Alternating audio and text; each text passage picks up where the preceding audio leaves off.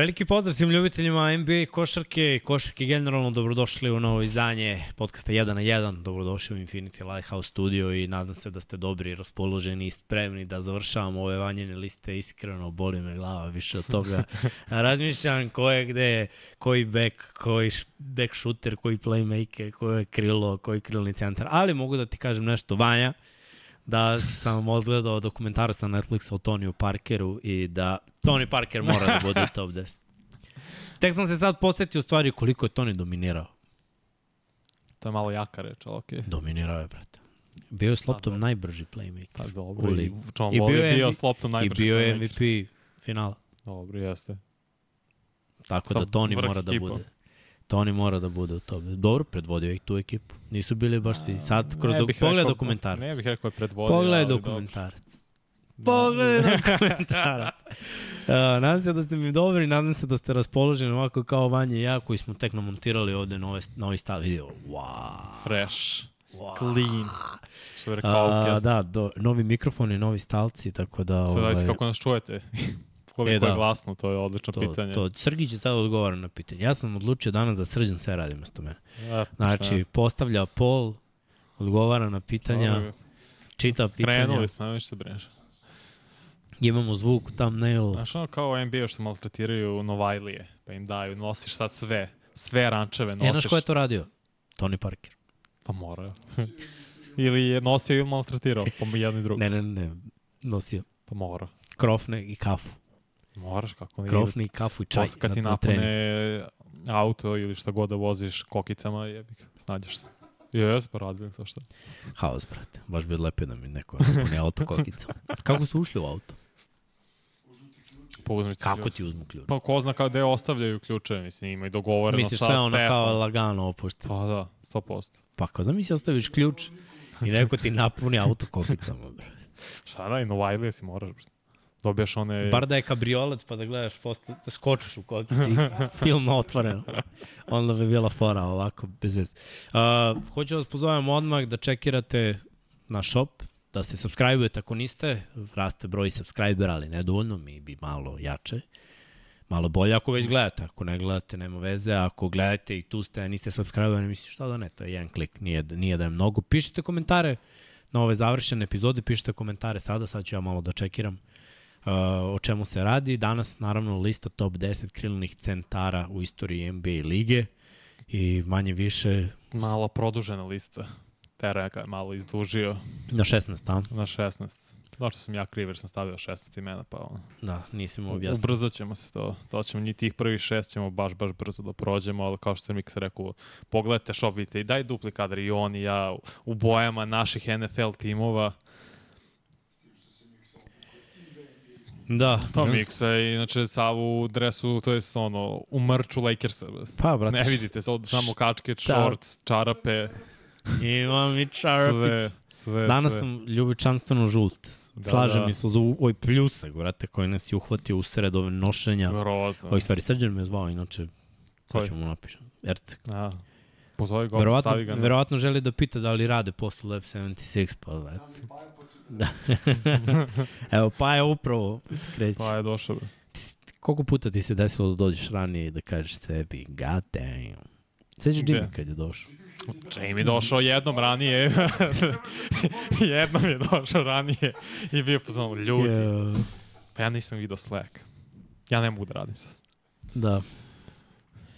Dobro, sve, vre, sve je spremno za listu, tako da što se mene tiče Srki, ovaj, možeš i, i da kreneš. Ajde, ajde, ajde. Pre nego što krenemo s listom, ajde da budemo malo humani, da pomognemo Jovani da, da pobedi u svojoj bici 1-4-9-2 na 3-0-3-0, 200 dinara SMS ili pogledajte dole imate devizni i dinarski račun, pa eto, možete da uplatite i, i da pomognemo Jovani da nastavi svoj život i da to bude neki bolji i normalniji život. Srki, samo ću ti reći da u naslovu prepraviš na broj 35, a ne 34. Jesi siguran da je 35? Jeste. Dobro. Eto, e, svemu čoveku datum nema, i ovo nema. Piši mu tamo. 7% od plate. Možeš odmah sada. Uđeš u studio. Ne, nešto Photoshop, uđeš u, na YouTube ti pričam. Namešteno je na thumbnail, na YouTube, samo u naslovu. Odeš u studio, YouTube studio, uđeš u taj video i izmeniš lepo. Samo je prosto. Dobro. Čekaj, ja da vidim da ljudi kažu ovde kako se čuje, Krenuo da li je sve u redu. Pozdrav za Paju. Ako ne pratite pod kapicom, Obavezno. morate da počnete da pratite Lab 76 kreće odmah posle ovoga, tako da znate koliko smo vredni i radni. Sve obavljamo. A, a, a, a, vidi, meni nije ni predložilo ovo jedan na jedan. Kako moguće da mi nije predložilo? Te su Samo. krilni centri. Evo ga tek sad. Opa! Opa! E, Idemo zvuk. malo zvuka. Dobro, šta? Ništa, ni, ne mre bez zvuka. Dobro, vidim, niko se ne želi, znači čuvate nas. Da, da. Ajmo. Znači, kreni od 16 na brzinu. Chris Webber. Lele, na 16. Na poziciji. šeste poziciji Chris Webber. Pa zar tako, zvezda s Michigana. Sa Mitch, Fab 5, čuveni. Pet puta NBA All-Star, pet puta All-NBA tim, jedan put ruki godine. Dobro, držao je Sakram Sacramento u stvari njegov highlight karijere. jest, to je ekipa koja je bila u 5-6 vrhu. godina. Ali imao je odličan tim oko sebe, nije bio on... Podobio je glavni u odličnom timu oko sebe. Pa, do, bio je glavni baja. pa dobro, rekao bi da je Peđa bio ono kad je krenuo njegov. A nije Peđa nikad bio glavni baja. Peđa bio najbolji šuter i vodio. Mislim, je gledaj, ta ekipa je igrač. bila, Baš kompletna. ne bi oni ništa, njihova identitet, njihova u stvari je bio timska igra. Tako je. I verovatno samo je Weber bio individualno najbolji igrač i rešava. U onoj eri košarke nije bilo moranje da neke stvari radiš. Poludistanca je bila zakon. Chris Weber ima jako dobar šut s poludistance, kucao je kao nezdrav još od Michigana pa. Golden State-a, pa, pa ono je bilo, iživljavao se čovjek. I ovaj, bio je bio u dobroj formi. Tačno je bio ono, taj neki spoj i dalje je bio, da kažeš, dovoljno mlad da da budu u tim prime godinama, sve se poklopilo, ali eto, nije, ni, čak nije ni bilo dominantne četvorke na zapadu toliko, Novicki još bio ono, loading, Or Garnett, Duncan. ali oni nisu dolazili do Duncan, da. Uh, Garnett nije dolazio sa. Minnesota do, do, do finiša. Nekako mi je Sacramento naleto na Dallas, gde je ono Novicki, kažem, još uvek bio loading, i naleto na LA, gde je ono, Robert Torrey bio četvorka. Mislim, Horace Grant je mislim da je 2001. bio baš. imali su problema više, čini mi se, sa, sa Šekom, udvajanjem Šeka i to je bio ono najveći problem za četvorke. Mislim, Weber meni imao jako dobru karijeru. Pa Imao je vrlo, vrlo solidnu karijeru, ali kratko je to trajalo, taj njegov pik, njegov ono, najbolje godine su trajali tih 5-6 godina u Sacramento, taj period 98. do 2005. I to je to. I onda nakon toga, ono, polako, to nije polako, samo odjednom pad u igri. Zato je samo i bio pet puta All-Star igrač i sve to, ne znam iz kog razloga, samo je doživio taj pad od, zapravo All-Star je bio 97. do 2003. jer 99. Da, i tim je- I tim je pao. Pa stari su bili, Divoc je već bio u, ozbi, u ozbiljnim godinama igračkim, on znamo došao u ligu kad 89. 90. To je već bilo 2003. To je 14 godina igranja, pre toga igrao i u Evropi, sve naravno sva internacionalno takmičenje, znaš, godine su stigle njega, pre svega i Weber je draftovan 93. Znači te 2003. već bilo 10 godina da si u NBA-u. Tako da je tim imao tih dve, tri godine ono, prozor da uradi nešto, naleteli su na dinastije i San Antonio i Lakers i nisu uspeli nekako opet taj zenit karijere Krisa Webera je kratko trajao. Pa, dobro, nije to kratko po mom mišljenju, ali Kad u poređenju sa naj, ovde- najvećim igračima, Da, da, da. da. onda jeste kratko. Mislim, pet godina igrati u vrhunskoj formi nije malo stvar. Nije, nije, samo kad poredimo sa najvećim igračima i možemo odmah dalje da idemo s time. Što malo ćemo se ubrzati jer ih ima mnogo. Chris Bosh je 15. koji opet na tom nekom all-star nivou, možda zato što je bio i u Torontu prvih 8 godina njegove karijere, pa je tu dosta toga pokupio all-star. Pre svega i, i uh, odabira u Majamiju posle bilo realno treća opcija, tu je uzeo dve titule, tu je neko koji zapeč, napravio zapravo pečat za svoj Hall of Fame slučaj, ali opet, kad god je bio prvi igrač, to je tih prvih godina u Torontu, nije imao timskog uspeha, iako je istog bio poprilično slab. Nije mogao da dođe do izražaja uopšte. Tek kad je došao u Miami se video taj zapravo uspeh što se tiče uh, samog kolektiva, samog tima i zato je on 15. Iako je bio 10 puta All- All-Star ili 11, ne mogu sad više da popamti ko je koliko bio Ali čim si dvocifren broj puta, 11 puta All-Star igrač, čim si dvocifren broj puta na tom nivou, znači si top 24 igrač u ligi, top, realno oko top 20 kad se već toliko dugo, to dosta znači. Ali falio je taj timski uspeh kao uh, na poziciji lidera, to je falio u, to, u Toronto što je igrao. Dobro. Nemam stvarno nikakve, ja mislim da, da bi Boš nastavio još da igra na solidnom nivou. Da, Da, da ima problem uh, zapravo medicinski sa plućima, šta je Da. već ono bilo. Ja sam očekivao njega i Wade da tih pr nakon, ono, dve godine nakon što je LeBron otišao da će moći nešto da izgrade, da će Miami biti konkurentan, ali on ima taj medicinski problem sa zdravljem, pa je zato i otišao u penziju, možda i ranije nego što je trebao. I je žao mi zbog toga jer verujem da bi Miami bio konkurentan na istoku. Da su napravili solidan tim da konkuriše, da budu makar ono, top 4 tim na istoku, eventualno nekako dođu do finala konferencije, ali desilo se to što se desilo, uzeo je sa Torontom dve divizijske titule 2006. 7. Ali na onda sedma do de, to je sedma devetu je bilo baš mučenje timsko. Mm. Dobro, možemo dalje. Strki. Denis Rodman na mestu broj 14, pa za razliku od Krisa Boši i Krisa Webera, dva Krisa, Da. ovaj, treba reći da Denis nije bio izraženi ofanzivni igrač, već izvrsni defanzivni igrač, tako da pitanje je kako šta vrednujete. Znači, mogu da kažem da su da Boš je bio solidan defanzivac, Weber je bio ok defanzivac, ali su imali Ofanzivno su ofanzivnu bili igru. Znači, s druge strane, Rodman se nije ni trudio, ali dobro, druga era, znalo se tada ko daje poene, ko, ko šta radi, čiji, ko je zadatak, bolje skakač od obojice, Predvodio ligu 7 puta u skokovima, Bolje- što je nevjerovatno. da, bolje defanzivac na lopti, bolje, Off ball isto. tako je, kada pogledaš. I opet, ako uzmemo pozicije sve koje mogu da čuva od početka svoje karijere i kad je bio malo sitniji u Detroitu, mm -hmm. Mhm. pa posle u Chicagu. Od 2 do 4.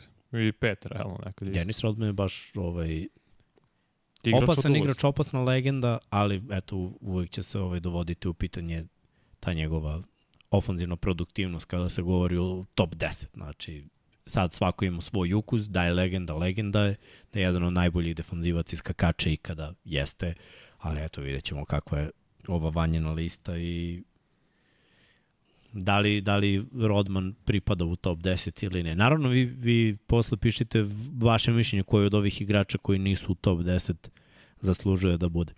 Mislim, pišite odmah pa ću ja čitati. Uh, Poga Sol je na mestu broj 13. Poga Sol, pa prvo Vancouver, to je Memphis Grizzliesi, mm. -hmm. pa onda ja mislim da je tu pokazao kroz Evropu i, i svet, kroz reprezentaciju Španije svoj potencijal, jer on bio jako dobar s loptom u rukama, pre svega još kao mladi igrač kada se tek pojavio na, na svetskoj sceni.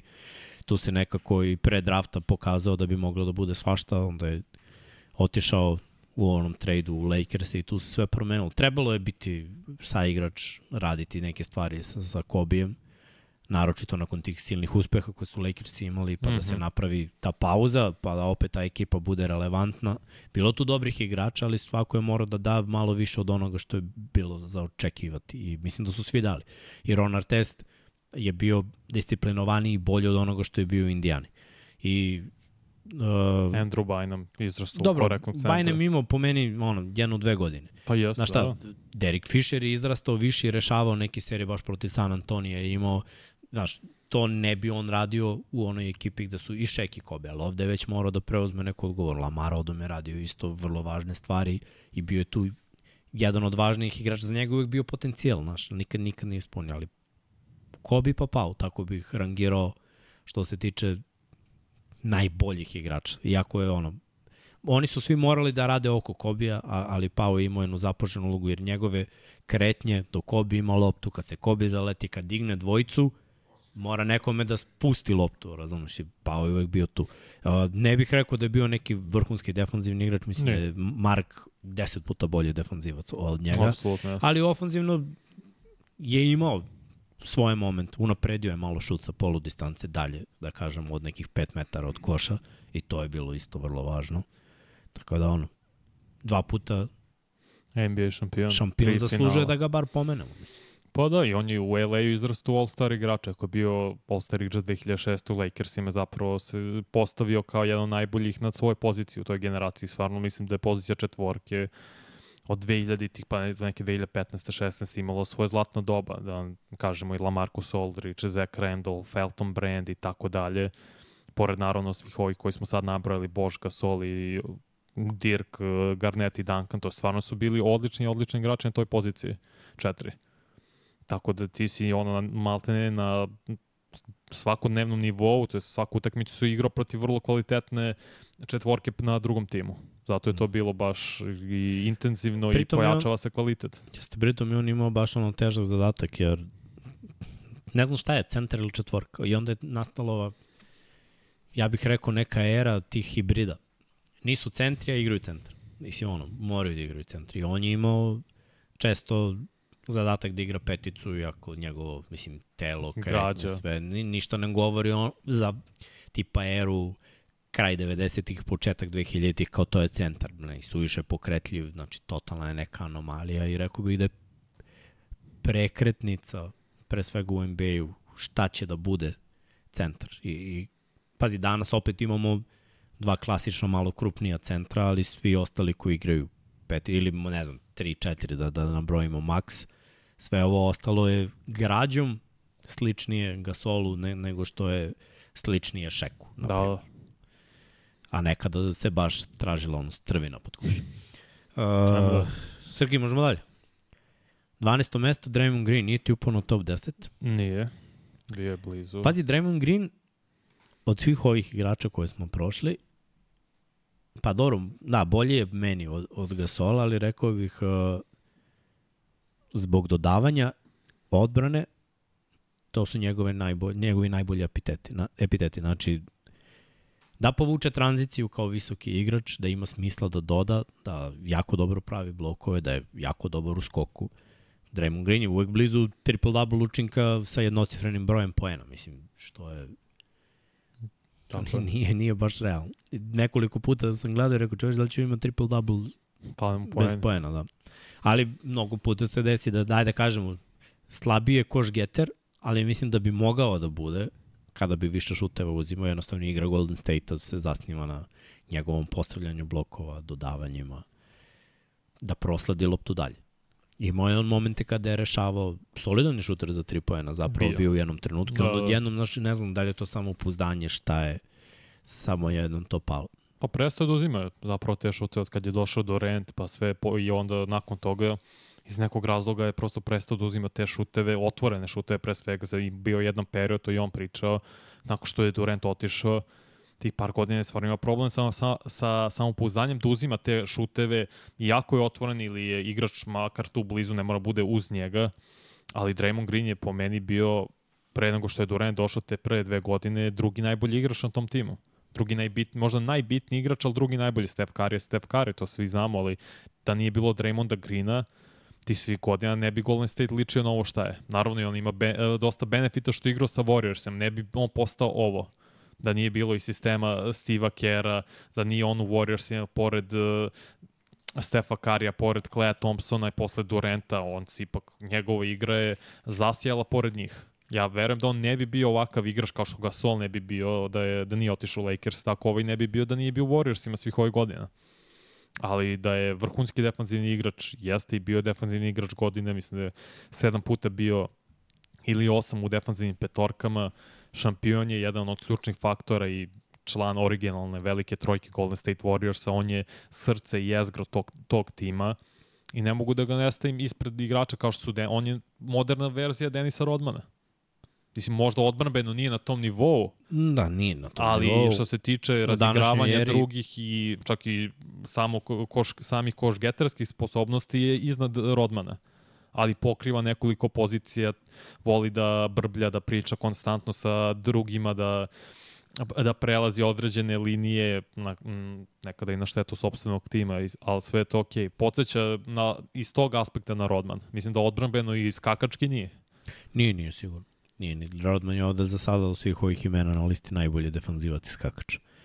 Ali Draymond overall radi dobre stvari. Tako da možemo da idemo Srki dalje.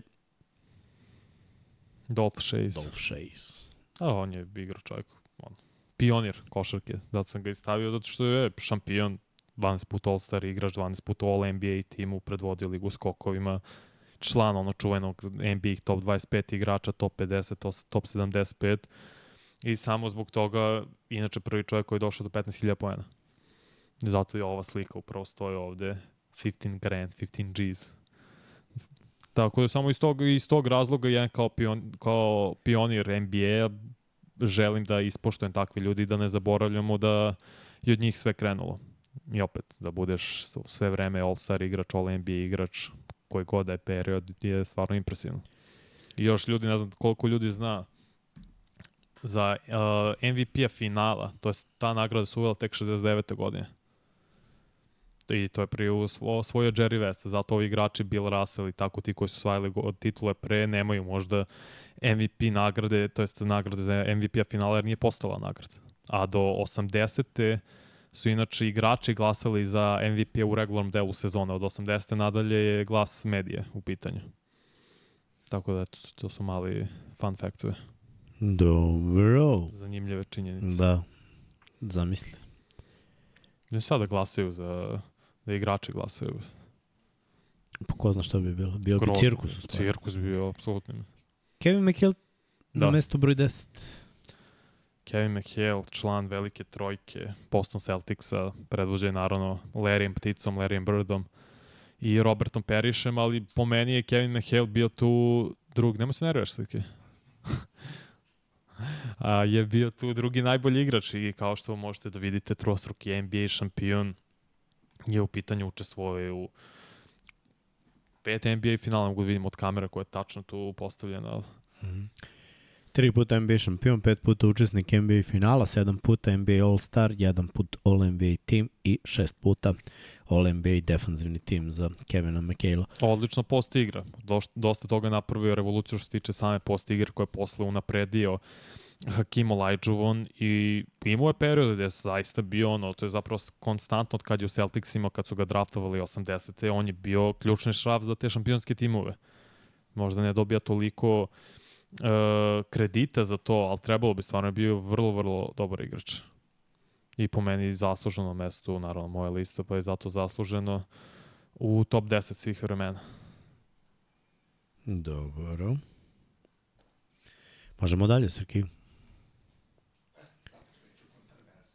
Anthony, Anthony Davis. Davis. Zašto je kon Davis kontrovers?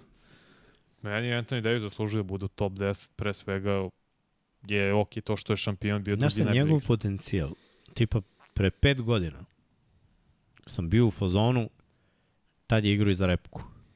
Dobro, tad je dalje bio u... Više od pet godina, u stvari 2016. je bila olimpijada. Aha, Rio, ok. Rio. Gledam i rekao, brate, ovaj za dve godine će oboriti sve rekorde. Bio je blizu quadruple dubla.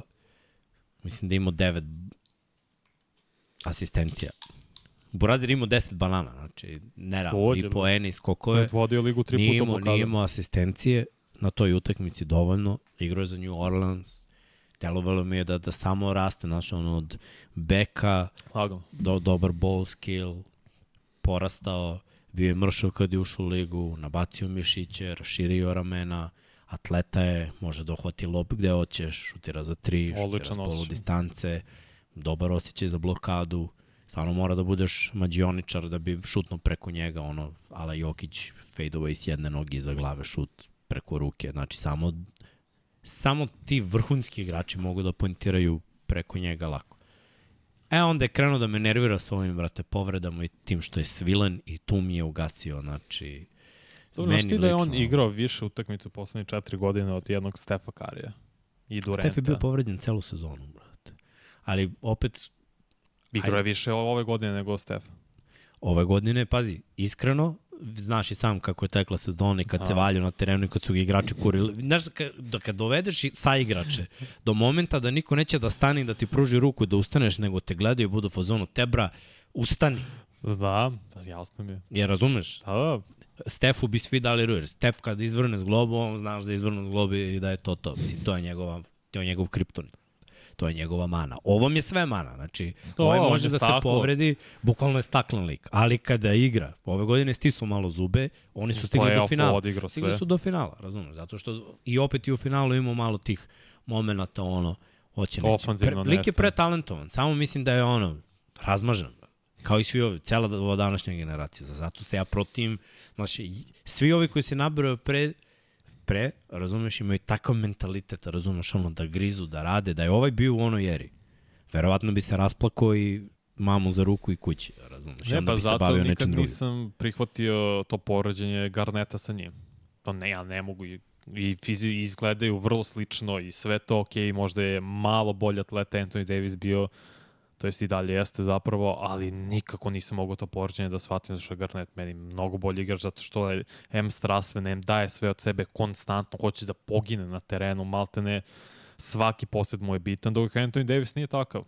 Pretalentovan jeste jedan od razloga zašto je u top 10 stvarno čovjek kad ti vidi šta sve može na terenu da radi te godine sa Pelikancima da je imao i 55-20 utakmicu i sve, to je stvarno bio neverovatan i kaže ti pre- predvodio ligu blokadama tri puta to je sve to bilo dok je bio sa Pelikancima i osam puta All-Star igrač i ključni igrač bio, to je drugi najbolji igrač u šampionskom timu, ta, ta bubble titula bila je pa je bila jako ja n- ne vrednujem Po toliko. čudnim okolnostima. Da. Jeste, upitno Ali pazi, ovo što se sad ponovilo je malo ti dočaralo taj bubble. Jer da tipa se desilo da su osvojili u bablu pa da ne uđu u playoff ili da ispadnu odmah iz playoffa, Mhm. To se onda bi rekao to je samo zbog babla i tih okolnosti. To Ali se sad, desilo. Pošto su stigli do finala, znaš, ne možeš da sporiš.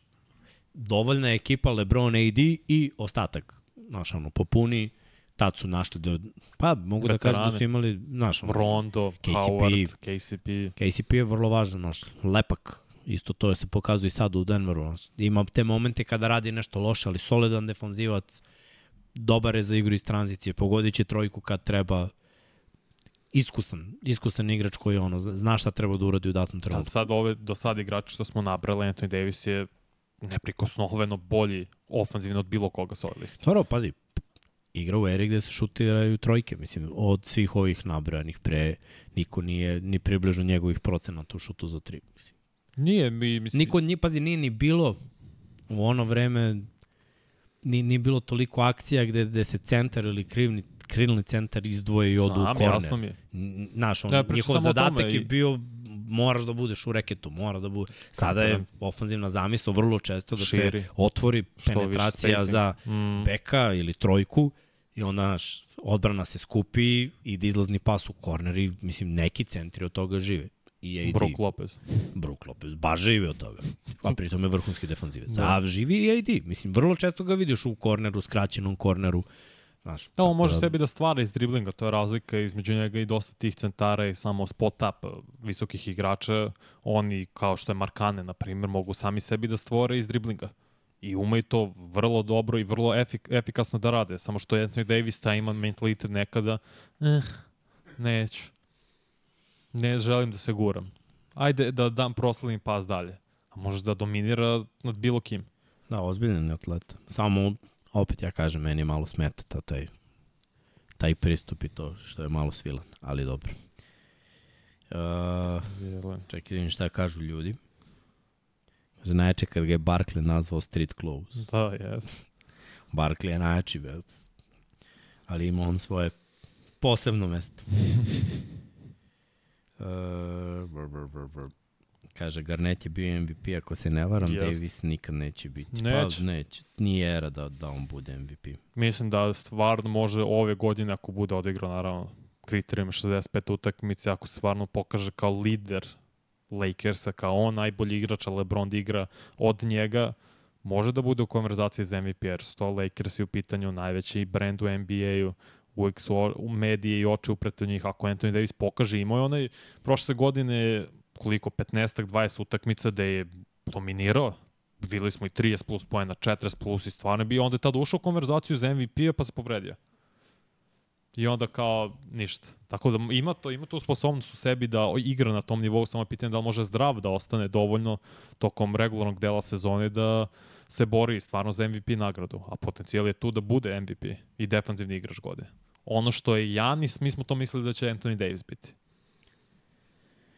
Pa, ne, jer za Janisa baš nisam očekio, ali dobro, slično. Znaš, evo tri razloga zašto to ne može da bude.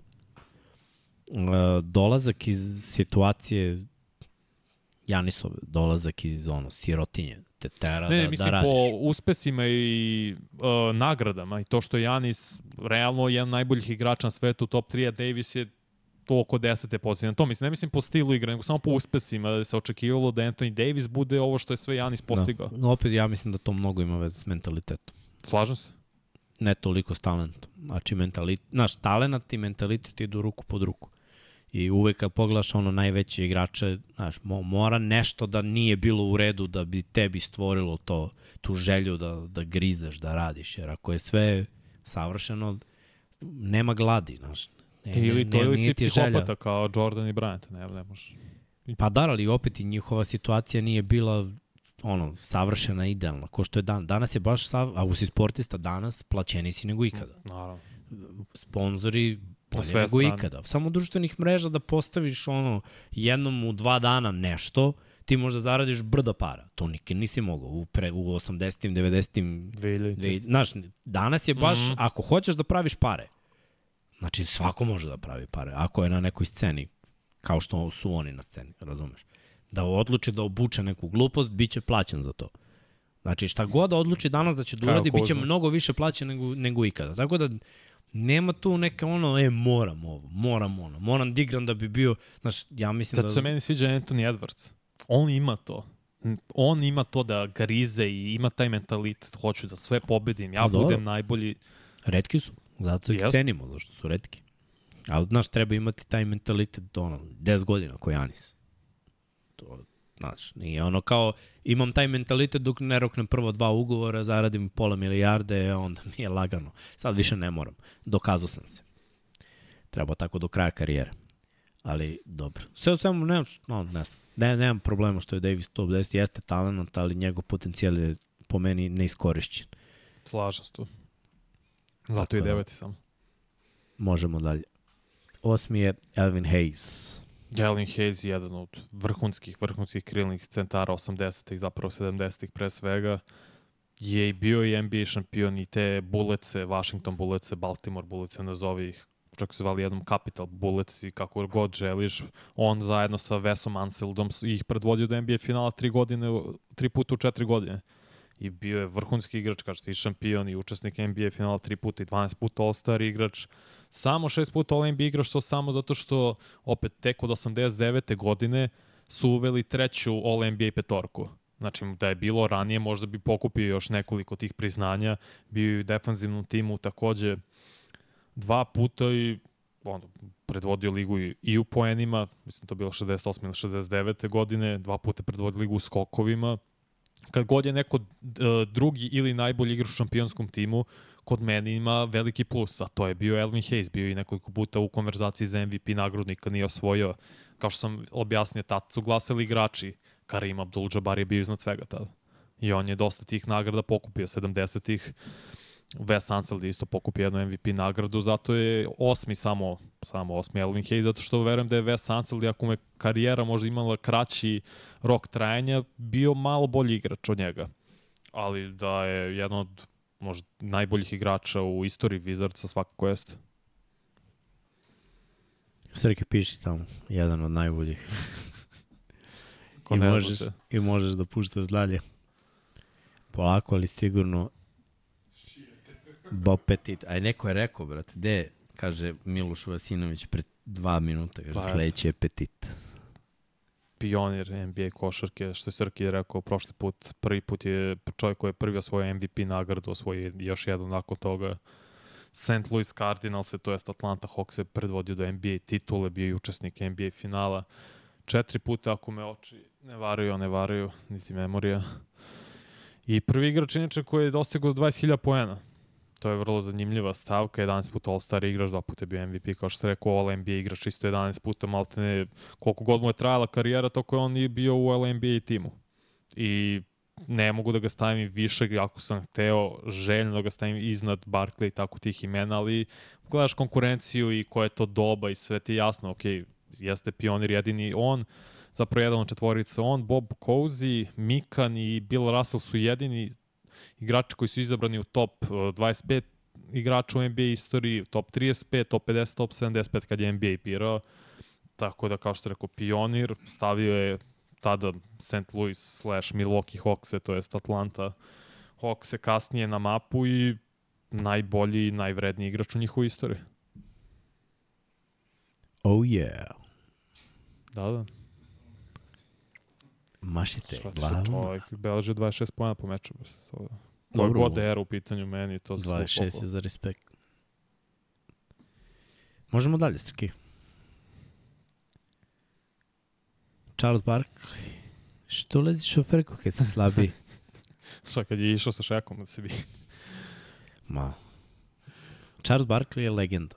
Yes. Iskreno, od svih analitičara u svakom, znaš šta, u jednom trenutku kad je NFL, na NFL-u bio Chris Carter, to mi je bilo preko, jer Chris Carter je bukvalno Barkley fazan. Sprda se nema dlake na jeziku, mm. znači nikad neću zaboraviti neki intervju da je neki momak izašao u majici onaj na bratele, beloj, i ovaj u studiju se skinuo u majicu, imali, imao je svoj segment koji se zvao Come on, man! e, to mi je bilo vrh. Ali Barkley, koliko nema dlake na jeziku i šta čovek radi kao analitičar, e, to je nešto što ja obožavam. Znači, desi mi se nekad da sedem kuće da pustim samo njegove izjave, prozivanja ovih stilova oblačenja, poteza, različitih i tuđih mišljenja, U to, tu je najbolje. stvarno je lik doktor. Ali kao igrač pre svega, Kao igrač je bio Znaš, i pričao je on, pričao je on svašta, ovaj, baš sam gledao, pričali smo u prethodnom podcastu, ovaj, kad su ga poredile nešto s Duncanom i pitali ko je bolji, da je on tu bez, bez milisekunde za stekionja, Duncan. Ono, toliko je bio dobar u svemu, kao da li ti si imao više pojena, da, ja sam imao mnogo više lopte jer sam bio bukvalno sam i opet pogledaš i timske uspehe i, i sve što je uradio. To je nešto što će njemu uvek faliti, ali kao što on kaže, znaš, kakav god bio autobus, on ga je vozio. Bio, bio je njegov autobus, on je radio, bio je jednom u finalu. Bio je kalibar da bude MVP lige u eri gde nije bio bilo je. lako biti MVP lige, bio je jednom, Mm -hmm. ali opet moramo pogledamo da, da, naš, da je jedan Michael Jordan igra u toj eri i to bio u jako dobrim godinama. Mislim, opet Barkley čini mi se da nije imao toliko izraženu radnu etiku. Mislim da je, nije. da je bio jako dobar košarkaš, da je imao želju ogromnu, ali malo da je više vodio računa o svom telu, da održi određen broj kilograma, da radi na tome da taj broj kilograma bude eksplozivni što je više moguće. Mislim da bi mogo da igra na još višem nivou duži period. Ali impresivnije mi je što ništa od toga nije uradio, što je Borazer onako, tako je kako je, tako igram i, i to, To je je impresivno korak na svoj način. Carmela Antonija. Ali gledaj, ali je bezobrazniji mnogo od Carmela. Jeste. Imao je tu, tu neku želju koju Carmelo ipak, Carmelo je bio lagan, ono melo, lik je stvarno bio melo. Stay mellow. Barkley je bio ložana, znaš, i znao je da se pobije i da popizdi, znaš, od Mela ja to nisam vidio. Već je tad krenula era prijateljstva.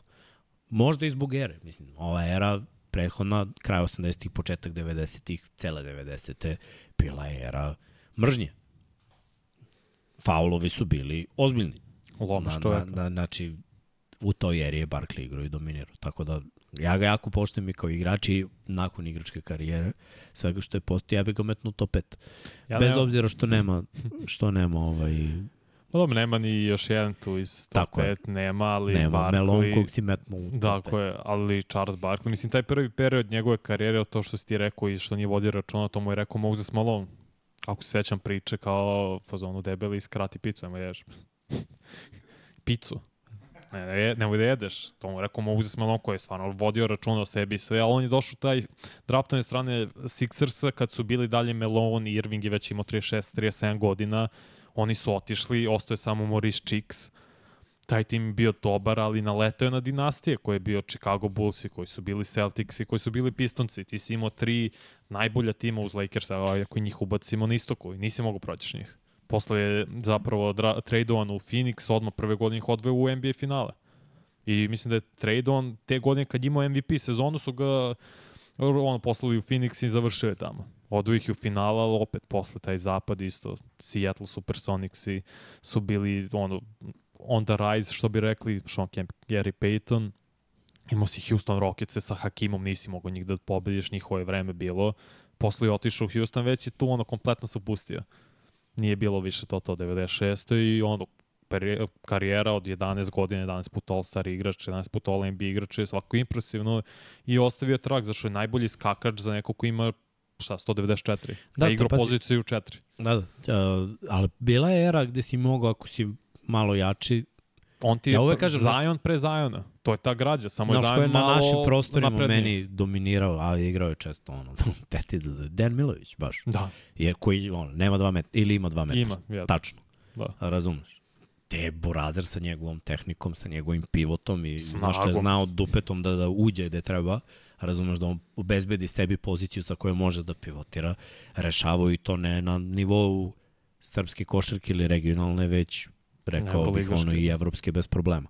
Tako da ovaj, bili su igrači koji su znali da, da kontrolišu svoje telo. I Barkley je znao da kontroliše tu svoju masu. Barkley za karijeru imao 12 skokova u proseku, da je vodio malo više računa i boj možda 13, 13 i po, jer stvarno bio kao skakač mnogo dominantan.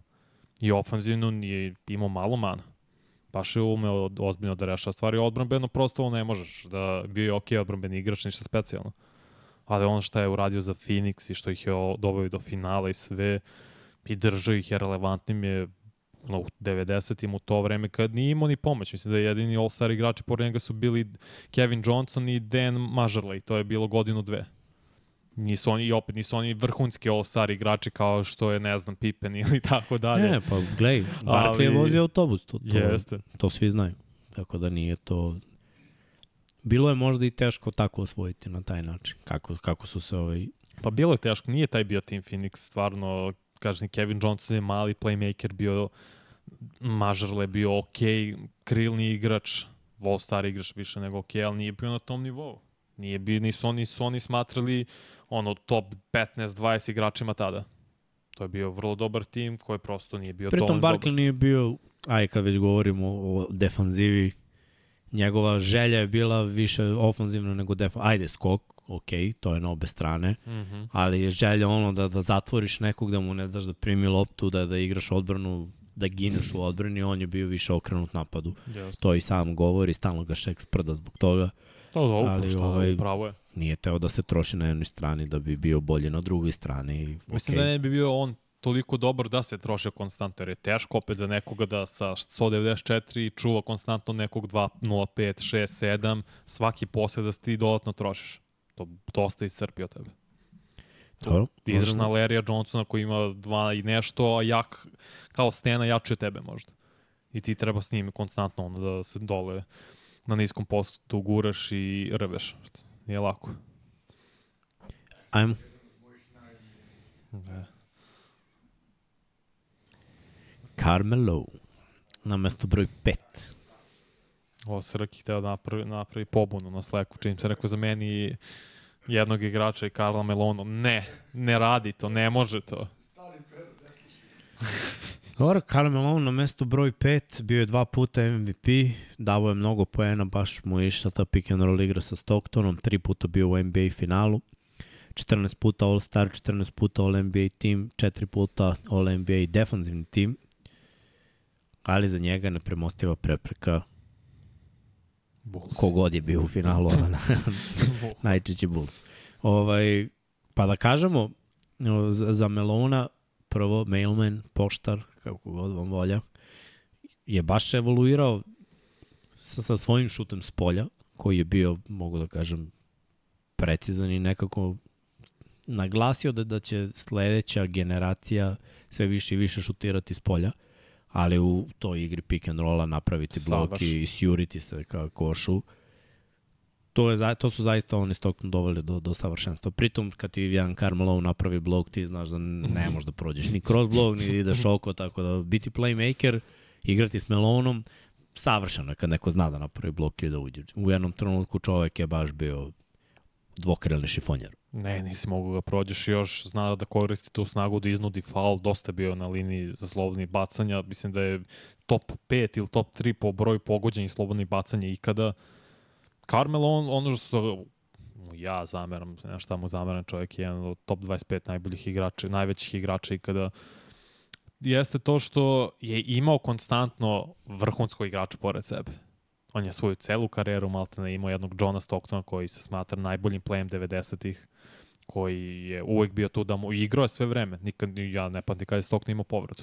Reto kad je propuštao utakmice, znači sve vreme je bio tu, sve, je, sve mu je bilo na tacni i oni, oni Stockton su doveli Jutu do pet finala zapada u rasponu od 7 godina. Ti si znao, moraš da porođaš Utah Jazz ako misliš da igraš finale. To je zapravo da, da dođeš do NBA finala, ali ta ne, nikako nisu mogli Chicago. Te dve godine i sedme i osme nisu mogli utakmicu sedam da iznude. Tako da to je on jedini minus, on je posle i otišao naravno i u Lakers tu jednu godinu, to je bilo op, opšta katastrofa ako su došli do NBA finala, ona je bila banda, nikakvu hemiju nisu imali, pa jeste. Bilo je teško zagledati, nisu mogli da smisle jednog drugog. Tako da je to bio propali eksperiment, ali dvostruki MVP, čovjek koji ima sad treće na listi po broju postignutih poena, najviše postignutih poena ikada. Nema šta mu zameriš i on je dosta dugo dok se nisu pojavili Duncan, Garnett, Dirk bio najbolji krilni centar ikada. Mhm. Mm -hmm. I on je bio standard za većinu njih. Oni su njega jurili, ali posle su je pojavili ovi koji su malo na jednom malo više nivou bili. Iz no. drugačijih aspekata. Nije se baš puno dešavalo u košarci, NBA košarci, da neko ima toliko uspeha da dođe do, do finala da ne uzme na kraju nije. Da. Ok, igraš karijeru i jednom igraš u finalu, pa da čovek razume da nisi uzu ili ne znam, dva puta. Mnogi su bili loši pa odu bolji tim ili naprave tim oko sebe, ali uglavnom ti najveći igrači dođu nekako do šansi i uzmu prste. Na čitavoj ovoj listi, pusti se još jednom listu. Prste nemaju Barkley i Melon. Barkley jednom bio u finalu. Barkley, Melo, misliš da iz top 10? Iz top 16. Pa dobro, Chris Weber isto. Weber, da, bravo. Da, pa njih, njih trojica, zapravo. Bosch, Rodman, Gasol, Green, Dolph, McHale, Davis, njih trojica. Weber, Malone i Barkley. I još po meni opet Barkley, Malone na jednom mnogo, mnogo višem nivou i duže su trajali nego Weber, ali opet eto. Dobro. Ajmo dalje. Janis na mesto broj 4. Mora. Što? Zato što je baš vozio autobus i imao jedno od najboljih finalnih utakmica u istoriji NBA sa 50 poena kad je upropastio Phoenix i vidiš se, on je najbolji igrač, od njega sve zavisi. Šampion, učesnik finala, MVP NBA finala, dvostruki MVP defanzivni igrač godine, 7 puta All-Star igrač, 7 puta NBA, All-NBA igrač, 5 puta defanzivni igrač. Sve radi na terenu, nema šut razvijen. Ne znam da li će ikad moći da razvije svoj šut, mislim da ne, ali i sa time što nema šuta, on beleži 30 poena. Zato što je... nikad ni, nismo videli o, igrača ove visine i težine da pravi dvokorak s trojke.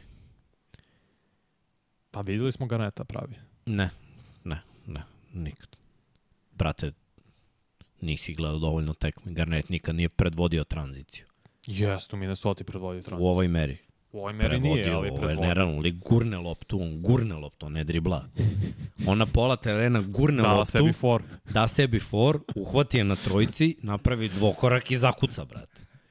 To Garnet možda je jednom uradio. Garnet je više bio da izdribla, naskoči i da je Tomahawk polomi obruč. Razumeš, ali brate, ovo, ovo je nerealno, ovo ja nikad nisam vidio da je toliko visok igrač, ja mislim da je jednom bilo, ne mogu da se setim koliko je bilo do kraja, da li četvrtine ili, ili polovremena. Dobro. Na nekoj tekmi koju sam radio. Bilo su dve sekunde do kraja.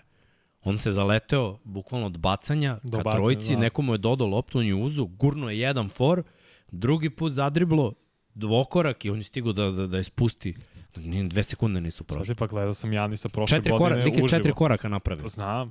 Kaže, gledao sam ga uživo ovde u areni kad igra protiv Srbije prijateljskom, kad je zakucao, svi su učutali u dvorani, u areni. Ne možda veruješ koliko je to jačina i silina bila kad je on zakucao, to se čulo, ne možda veruješ šta je bilo to.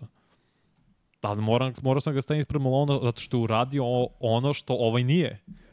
Bio je jednom u finalu. Sa slabijim timom. Jedan od jedan ti kad pogledaš, mislim, Stockton je bolji all-around igrač bio, ok, nego Holiday, Middleton, koga god hoćeš.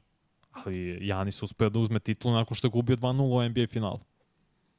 i uspe to da preokrene i ima potez ko on blokira Ejtonov ali jup, pa nakon toga istrača ali jup za svoj zakuca u sval preko krica pola. Baš je napravio neku revoluciju Janis da niko nije očekivao njega. Od nekog malog, mršavog igrača iz Grčke, ruki godina, ono, ima kao momente gde napravi neko čudo pa svi zapitaju da li može, ne može u to da izrastu u jednog od najboljih igrača današnjice i predvodnik uz Jokića ove nove generacije, jedini su oni sa šampionskim titulama. Zato sam morao ga stavim da preskočim Malona i njega da stavim samo zbog te, te titule. Da nema titulu, možda bi bio iza Barklija sad i dalje. Verujem da bi kad tad prestigao ali pošto ima titulu što je bio najbolji igrač u šampionskom timu ubedljivo i što je ta utakmica nikad to neće zaboraviti, tih 50 pojena u NBA finalu, u šestoj utakmici kad je bilo najvažnije, to ostaje za uvek u pamćenju. No, i kao lik mi je Znači, lik, toliko dobar, Gotivo, toliko da. je ono do zemlje, ne može, ne, ne može, da, ne može da ga ne voliš. Ne može da ga ne Pa ne voliš. možeš da. I mislim, stvarno čovek radi na tome da, da bude uspešan i koliko je njegova etika, znači ulaganje u svoje Mm. telo i sve. Ok, prošle godine se povredi u play-offu, pa I čovek to- na leđa tu. Da, ne, ne možeš da ga kontroliš. Tako je. Ovaj, ako se nastavi, a može vrlo lako se nastavi još tri godine, dom, dominacija na istom nivou. Znači, on je realno od visokih igrača u top 4, top 3, top 4 svake godine. Ja verujem da će biti u sledeći. I onda kad dodamo i to na neki rezime, onda da, mora da bude u top 5, jer, jer je ostvaren. Mislim, stvarno se ostvario.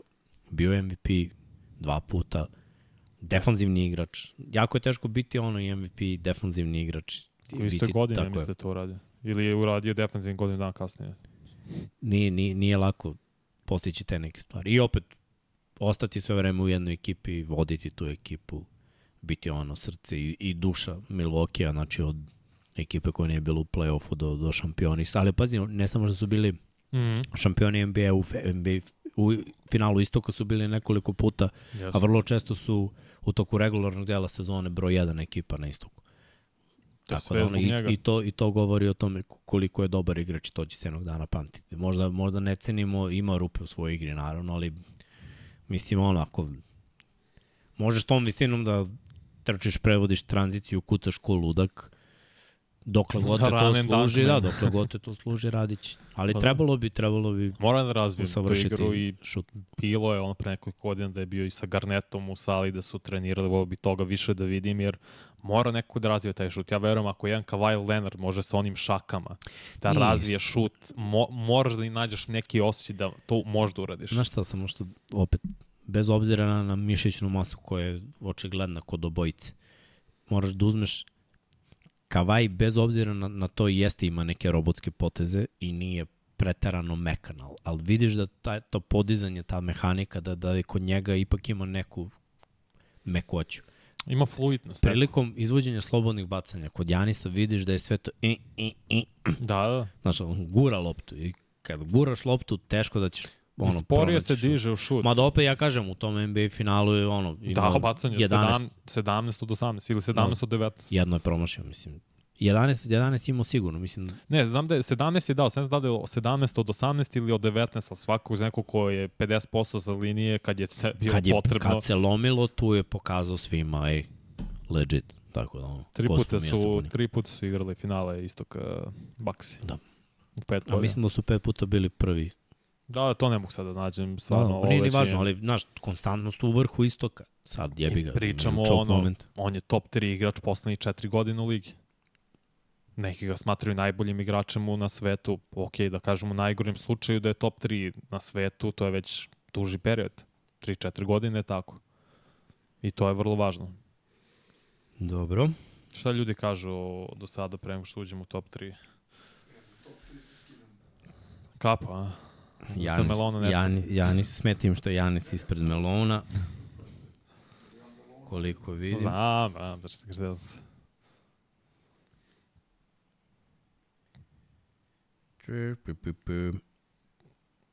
Meni je sad Janis, to, se, to je isto bilo sad kad sam pravio juče za poziciju 5 i za Jokića, ja sam morao Jokića stavim iznad jednog igrača, a ostvarenja su im identična. Identično, pitaju. samo zato što ovaj je zapravo taj igrač o kome pričamo je dva puta bio NBA šampion. I dva puta je bio, final, je bio MVP finala. Ali ja sam to, jes, Jokić stavi iznad toga, jer mislim da će stići to. Iako to ne, ne volim da radim, ne volim da prognoziram u napred, ali za Janisa i Jokića sam napravio izuzetak. Ajde, pušti dalje, Srki, da vidim. Srki kaže Dasa. Dirk na mesto broj 3. Da, svako je das. Što bi rekao Srki. Revolucija čoveka. Jedan od glavnih i razloga zašto postoji Lauri Markanen kao igrač. Ajde samo tako da uzem u obzir. Pa, jedan od razloga zašto četvorke prangijaju trojke. Da. I visoki igrači generalno. Iz Čovjek sa tranzicije 2-0, naročito. sa 2-13. Ideja Dallasa je bila da se iz tranzicije šutiraju trojke. I Neš i, i Novicki to pre toga je bilo kažnjivo. Ali ovaj, vidiš kako se to sve promenilo da je danas postalo poželjno. Jednom NBA šampion sa Mavsima, dva puta učesnik NBA finala, oba puta protiv Majamija, Mm. jedan put MVP NBA finala, jedan put NBA MVP, 14 puta NBA All-Star, 12 puta All-NBA team. Mnogi, mnogi rekordi idu Novickom i opet ima čovjek svoj šut, taj fade away s jedne noge, to je Dirkov potez, evropljanin. Ne pretarano uspeha sa reprezentacijom. Tu bi malo ovaj, zbog toga bi ga Sola izdigao, jer nema veze što je selekcija Španci Španije, bi nema veze. Gasol je bio Šta su uzeli Nemci jednom? evropsko. Evropsko, da. Španci su uzeli sve osim olimpijskog zlata. Te brat, to naš nije, opet on Gasol je tu bio jedan od glavnih igrača. Do, dobar je bio sistem, gajili su tu gen, ta generacija je ono ponikla zajedno od kadijskih selekcija mm Mhm. -hmm. sve, sve to stoji, ali imati takve reprezentativne uspehe da znaš da samo jedan ono redim tim ili da samo taj takav tim može da te skine s trona. Znači to su ili da se desi neka glupost i da izgubiš, ali da si uglavnom tu i da ponavljaš uspehe konstantno, to nije 2, 3, 5, 6, to, to su decenije. da. Na, ono, I više od jedne je bilo. Znači, kad su sklopili tu generaciju, pa se menjalo, pa su dolazili mlađi, oni su bili relevantni više od 10 godina. To, to su velike stvari. Dirk u NBA-u, mašina. Prangijator. Razmišljam, dobro, defanzivno nije bio toliko dobar, eto, možda, možda moraš da za top 2 da budeš i defanzivno i ofanzivno na, na vrhuncu svoje igre. Ono što je za Dirka, to je što je Dallas nije uradio dobru stvar, je kad je otišao Nash, bio je taj period Dallas, ako su došli do NBA finala 2006. Delalo je da nije bio to dovoljno dobar tim da bude konstantno u borbi za finale, konstantno za, u borbi za finale zapada i tako da što zapad bio krcat. I samo mi je to, taj neko njegov vrhunac njegove karijere, najbolje godine su možda, možda nisu dovoljno uh, ispraćene od strane Mavericksu, u smislu nisu nije imao dovoljno pomoć oko sebe. I ta titula od 2011. je meni najimpresivnija titula jednog igrača, pa možda u istoriji NBA. Niko nije video Dallas da, uz, da će uzeti 2000, ne, što, samo što su uzeli rok. Nije da niko nije. Izvini. Neki su se i kladili. Je li jesi? Moj coach Ruben je tada baš navio za Miami. Ja sam mu rekao nema šanse. Znači ne bi verao koja je to količina navijanja bila. Znači, ono, samo Lebron da izgubi. Ali baš smo bili mnogo srećni. De, delovalo je nekako kao ta neverovatna ono priča da, da bi moglo da se desi. Ja sam samo sumnjao, ja sam samo ovaj, sumnjao da će se ovaj, desiti za Miami, jer u mojoj glavi tada LeBron nije bio klač igrač. I ti veliki momenti u mojoj glavi su zaobilazili njega. Znači, neće on uzeti taj posljednji šut, a Dirk hoće. I Dirka niko neće da izblokira, a LeBron će da doda loptu nekom i, znaš, sad taj neko mora da uradi nešto. Tako da mi je bilo u glavi, ne, znaš, Chandler je dovoljno tu da zasmeta Bošu, Jason Kidd dovoljno tu da organizuje igru, Terry je ušao baš u prangijašku mašinu, Sean Marion je bio tu. definitivno. Pa dobro, ne sad, nisam ja mislio da ćeš Omenan da uspori Lebrona. Dobro i dalje, bio on u nekim Ok, su god, znaš, dobrim godinama. Samo sam znao kada bude četvrta četvrtina finiš, lopta ide Dirku, Dirk rešava, Što je rešio jednu dobar je utakmicu. šuter slobodnih bacanja, ako bude fulleran, daće bacanja, može da pogodi. Znači, sve u tom trenutku što Lebron neće uraditi. I bukvalno se dešavalo iz utakmice u utakmicu, što, što je bilo... da- Kažem ti, počistili su Lakers-e u drugoj rundi, dobili su Durenta i mlade Thunder u, u finalu zapada. Dobili Lebrona i Vejda u finalu, baš impresivno. Čak i Peđe ima jednu tekmu da je Jest. ono pet trojke dao. ali ništa bez Dirk. Ta prva utakmica, to smo i pričali kad smo krenuli da radimo, kad smo nab- nabrali ove playoff performanse, protiv Oklahoma 46 poena, 18 skokova, da je dao 20 i nešto bacanja bez greške, da rekord u NBA playoffu. Dirk je baš, baš bio poseban, pre svega ofanzivno, da nisi mogu da ga zaustaviš. Nisi mogu nikako da ga izblokiraš, ti si spomenuo taj fade away s jedne noge, držao je Dallas relevantnim godinama od kad je u Maltene ušao u NBA. On je obeležio taj period 2000-ih, zajedno sa Garnetom, Duncanom, Kobijem, Šekom, mladim Lebronom i tako. Ne može da ne kaže da nije zato što je bio MVP ligi i igrao već finale. Vodili su 2-0 u tom finalu protiv Miami. Miami, onda je Wade poludeo, beležio naravne četiri utakmice, 40 pojena maltene osvojili titulu, ostao je Gorak Ukus, ali su im vratili pet godina kasnije. Pet? 2006. je bila ovo, 2011. Da. je bio uh, redeem O, Meni u situacija. glavi pete, da je, ali pete je sezona krenula. Da, da, pete, pete su bili Spars i, i Detroit Pistons. Mm. Titul. Da. U drugoj godini Tonija Parkera. He, he. Ajmo, ajmo na ovu dvojicu, Srki. Jedan po jedan. Kevin Garnett broj 2. Malo mi je bolje od Dirka bio. Uvijek mi je bio malo bolji, samo ima Mnogo mnogo bio je lošiju. bolje defanzivno. Jest, mnogo bolji defanzivno, ofanzivno malo loše. Mislim da stvarno ljudi nisu svesni koliko je Garnett bio of, ofanzivno dobar. Ne mislim da je on i dalje jedini igrač u istoriji NBA koji predvodi jednu franšizu, to su Timberwolves i u poenima za karijeru, i u skokovima, i u asistencijama, i u kradenima, i u blokadama. Čovjek je sve radio na terenu za te Timberwolvese, doveo ih, ja ne znam kako su oni igrali finale Zapada 2004. Bio je tad i MVP lige. O, NBA šampion postao na kraju sa Celticsima. Dva puta igrao finale s njima. Tako je. Protiv Protiv Lakersa. Lakersa, defanzivni igrač godine bio, toliko puta ne vidim više, koliko puta All-Star od kamere. All-Star 9, defanzivni igrač godine bio Mm. jednom i NBA defanzivni tim 12 puta. Mislim, ja opet kažem, tim Duncan je broja, naravno. Naravno. Da bi bio u top 2 na poziciji krilnog centra i centra, mora igraš odbranu. Mora buš dobar odbrambeni igrač. Moraš Znači, odličan, nema, moraš odličan. ne, može, ne možeš da se trošiš samo na jednoj strani. Dirk je bio vrhunski ofanzivni igrač. Ali defanzivno nije. To, mislim, Dirk sam sebe, za sebe kaže. Durnet, Garnet je želeo ovaj, i da skoči na bananu, i da juri kada kasni, razumeš, da zalepi nekog o tablu, i da bude dominantan na skoku, što je Četiri često puta je radio. predvodio ligu u skokovima.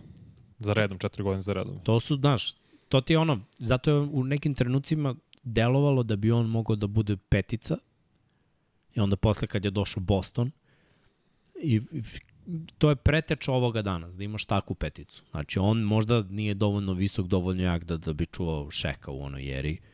U toj jeri je četvorka.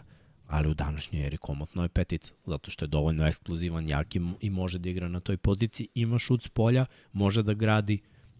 Njegov fadeaway je bio... Pazi, kad se All Star još uvijek igrao, igrao da se Ozbiljno. igra, on je nekoliko puta bio ono najbolji, bio MVP. Seća 2003. se, brate, ka- kakva tekma, ali nje, on nije promašio šut, znači bukvalno on iza glave, on je njegov, svaka ulazi. A to ulazi bez koske. Gledao sam meč jedan gde je zapravo gledao highlight gde je dao 40 pojena kad igru Minnesota. Svaki šut ulazi bez koske. To je Mhm. polu distance, ulazi do kraja. Kuc. Namestio je polu distancu baš, On je bio prvi jednorog, jer on kad je u ligu, naš, neko ima 2.010, mršav, brz. 2D, nema 2-0. Da, 2.10, izvini. Br, mršav, brz, eksplozivan, ali ne može igrati centra, a može četiri, ali dalje je tu malo slabašano kad je to razvio. Mislim, Ne, ne, stvarno, bez mana. Ja mnogo volim Kevina Garneta i ovaj, sve što je učinio, možda to mala mana za njega je taj odlazak u super tim, gde je samo ono, dva puta su bili u finalu. Da, i te je Da. 2009. Naravno. Zašto nisu? Jer je on bio povređen. Da. Ceo playoff. I opet posle toga se ekipa raspala, ali nakon tog spajanja delovalo im ok, ovo će biti pet puta u finalu. Pa su onda imali ono, i doveli Šeka i 2011. svašta je, znaš, de- delovalo mi je ok, potrajaće. Nije potrajalo, trajalo je ono, tri godine.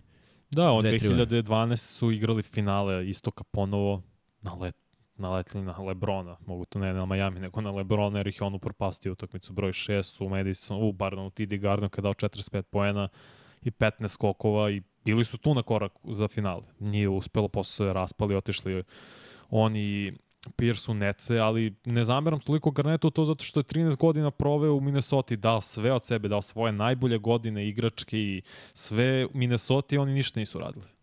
Nikako nisu mogli tim da sagrade, oko njega bilo je pokušaj s par puta, ali ta franšiza nije znala šta radi. Neverovatno mi da ne možeš da napraviš tim oko jednog igrača koji radi sve na terenu. Ti nisi poslan da dovedeš dvojicu dovoljno kvalitetnih ili si ih doveo, ali si zapravo pogrešio jer su postali vrlo loši igrači. Na kraju mislim da je bio čak i Ricky Davis i jedno vreme, na seća se i Voli Zerbijak je bio a taj tim nikako nije mogao da bude, da konkuriše na zapadu pored ove dve dinastije i pored Sakramenta i svih ostalih timova. Gledaj sad ovo, kaže Elu Mesija, Dirki nije toliko loš u odbrani, ali je belac, pa se automatski kaže loš u odbrani. Brate, u, uopšte nije tako, ne, ne zanima me šta pričaju Amerikanci, da li oni smatraju da li je belac i, ili je crnac ili je roz ili je zelen. Znači, to mi je nebitno. Je predvodio ligu skokovima nekad? Nije. Je bio defanzivni igrač godine. Je bio u prvim timovima defanzivnim ili drugim timovima defanzivnim. Mm. Nije, znači ne može se poredi sa ovim koji je 12 puta bio NBA defanzivni tim, bio defanzivni igrač godine i bio MVP ofanzivno. Znači čovjek je bio elita ofanzivno i defanzivno. I imaju po jednom prsti ni jedan ni drugi. Znači, aj malo jednačinu, s obe strane lopte se igra. Igraš i napad i odbranu. Mora to da se ceni. Znači, ja volim Dirka, Vol, ono, volim sve igrače iz te ere, Dirka obožavam zbog nekih stvari koje on radi. Ali, on je napravio revoluciju, svakako. Ali nije bio elita defanzivno. Nije. Znači, nije nikad može bio. da bude na tufne je... ljubičast sa žutim tufnama, znači čovjek nije bio elita defanzivno. Karnet imao preko 15.000 skokova u svojoj karijeri. 15.000 skokova, to je sulud. Znam koliko ima Novicik, sad ću baš da za karijeru. Pa nikad nije bio, pri, znaš, opet, imao je kao Barkley, ono, on je gledao da igra ofanzivno. Radio stvari dobro, ali kada govorimo o, samom vrhu, ti mora da budeš dobar na obe strane lopte. Kad, no, ne, izvini, Dirk ima 11,5 hiljada, blizu 11,5 hiljada, Garnet imao preko 14,5 hiljada. No.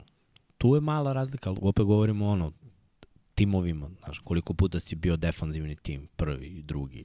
To je, Dirk nije bio. Znaš, blokade Na, igrao je odbranu, naravno igrao nije se čovjek sklanjao ljudima, samo nije bio elitni defanzivni igrač. A ovaj je bio elitni defanzivni i elitni ofanzivni. Dirk da. je samo elitni ofanzivni igrač. Da su definitivno među najboljim svih vremena, da. Samo kada vrednujemo, treba da vrednujemo obe strane lopte. Znači, igraš ovamo, pa igraš onamo. To je ono što ljudi najviše zameraju Hardenu sada. I kad smo radili listu, to je kad ja pravio listu, pa Harden nikad nije igrao odbranu, pa nije. I zato je toliko nisko na listi. Čovjek ne igra odbranu. A može. Dirk, ja mislim da fizički nije mogao Ma, da... šta nije mogao, ne lupi, brate. Nije Dirk kad je došao u ligu, Vanja bio atleta isto. Kucao je, brate, radio je sve. Odbrana je želja. Znam da brate, da želja. Nije on nikad bio mršao. On je smršao na kraju da bi produžio svoju karijeru. Da, nije on bio uopšte mršao. Pa sećam kad su MVP godine pre bio ogroman. Njega je bilo, brate. Visok je čovek, ima široka ramena. Znači, ima raspon ruku. To, ti, to su ti dovoljne predispozicije da igraš. Znači, ovo ostalo da pojačaš malo mrtvo, da pojačaš malo čučanj, da bi bio stameniji, da pojačaš malo eksplozivni. Brate, to sve može da, da se dovede. Znači, to je želja. Mora da imaš želju, brate, da te neko ono, ne uguraj, mora da imaš želju da, da se boriš protiv nekog. A ne da se štediš za lično da bi igrao što duže da bi šutirao. Mislim, to je izbor. Čovjek je imao izbor. Izbor mu je bio, ću budem elitni ofenzivni igrač. Ja poštujem to. I jeste bio. Sve je to okej. Okay. Samo više cenim neko ko je bio i to, ali i još nešto. Tako da možemo i na broj jedan čovjeka koji je bio i jedno i drugo. Malo jer... duže nego Garnet i malo uspešnije. Malo uspešnije, mnogo uspešnije, brate. Tim Duncan. Samo da se zahvale, brate, Rayu Allenu za trojkicu, zašto tim, tim Čuga nema još jedno. Nema šest. Jer je čovek institucija. Pet puta NBA šampion, šest puta učesnik NBA finala, što izgubio jedno finale, brate, na nerealan, na nerealan okret u seriji. Tri puta MVP NBA finala, dva puta NBA MVP, 15 puta NBA All-Star, 15 puta All-NBA tim, 15 puta All-NBA defanzivni tim. Znači, kada On je staviš ovo... jedini igrač u istoriji NBA da je 15 puta All-Star, All-NBA team, All-defensivni team. Zato što je, brate, bio. Znaš šta, neko je to pričao, brate, oni su dosadni, ali su, brate, bili efikasni, jer su igrali lepo košarku. Znaš, opet, neke stvari koje je radio Tim Duncan, ja sam, znaš, obožavao njegov šuto tablu i uvek sam volao na košarci, ja koristim šuto, ta, šuto tablu sa, sa iskosa od 30 do 60 stepeni sa te neke polu distancije. Jako efikasan šut ako pogodiš ugao, naročito ako si visok igrač. Toliko dobrih stvari su ljudi mogli da nauče od tima Dankana. I toliko dobrih poteza je imao. Jeste bio je ovaj ocenjen kao da će odmah uspeti u NBA-u, što nikad nije možda dobro za igrača, ali on je došao i odmah je uspeo. Pa jeste, Znači, zato što je prvo... Očekivanja su bila ogromna, on je jedan od onih koji je Mhm. ispoštovao ta ogromna A očekivanja. znaš zašto, brate? Zato što je on prvo na koleđu igrao četiri godine. Njegov, on je bio spreman odmah da igra za NBA. Nema tu čekam, razvijem telo, njegovo telo bi razvijeno. Još San Antonio imao sreće te godine jer je uh, David Robinson propustio celu godinu zbog povrede pokidanih ligamenta, zato su imali prvog pika na draftu, bam, Duncan, bam, imamo sada dva tornja, Robinson, Duncan i to je to. I da je bila zapravo ta prva dinastija San Antonio. Mislim, ja sam mnogo volao San Antonio, sam najviše volao da gledam od, pa da kažemo, raspada Sakramenta. Mislim da od raspada Sakramenta do povlačenja tima Dankana sam baš jako navijao za San Antonio svake godine. I, i, jer mi je to bila najlepša košarka u ligi. Pritom sam obožavao taj trio koji su oni napravili, Manu, Tony Parker i... Znaš ga, ajde ovako, početak karijere, Mm -hmm. falio im je play kao što je bio Tony Parker. Nije bilo dobro dok nije došao Tony. Jer im je falio neko ko može da bude... bez. Mislim, te 2003. ne računam da je Tony dopre Kako nije mnogo... doprineo? Doprineo je dosta. Doprineo je dosta. Mnogo se igra promenila kad je došao Tony. Jer od momenta kad je Tony draftovan, i igra im se taj pick and roll, igra im su im se blago ubrzali. Tony nije bio još uvek elitni šuter, ali je bio elitni u kretnji i u završnici blizu koša, što je prosto neverovatno za neko ko je mali, ali on, on je bio poznat po tome još u mlađim selekcijama Francuske, Mm -hmm. kada se pravio taj neki kamp i sve. Njegova smelost da uđe uopšte u reket, imao je onaj floater iz naskoka. Jer obično plejevi niski bacaju floater s jedne noge iz driblinga, znaš, da li iz dvokorak ili na prvom koraku digneš. On je imao ono da je tapne naskok i da, da je podigne gore floater. Imao je završnicu na drugi obruč i levom i desnom rukom napred da je zavrne, podigne gde god treba. I to je u stvari omogućilo i da ta igra pick and rolla bude dobra. Ta njegova završnica. Jer ako ostanu na Duncanu, ako se on izvuče na pop, otvoriti se malo reke. To niko pre toga nije koristio. A onda kad si mora da paziš na tome i dostaviš tima u pick and popu malo s polja, Tim Duncan je rešavao te šuteve s polja bez problema. Imao je solidan šut s polja, gradio ga je posle. Tad, jevi ga, nije bila era da se šutiraju trojke. Ali je bilo tekmi gde je on pogodio po koju trojku kada je bilo važno. Više je bilo tu oko bacanja, da kažemo, Njegov pozicija. tako negde, oko 6 metara od koša. Bliže, s niskog posta, dalje od tablu, horog, poluhorog, sve ima.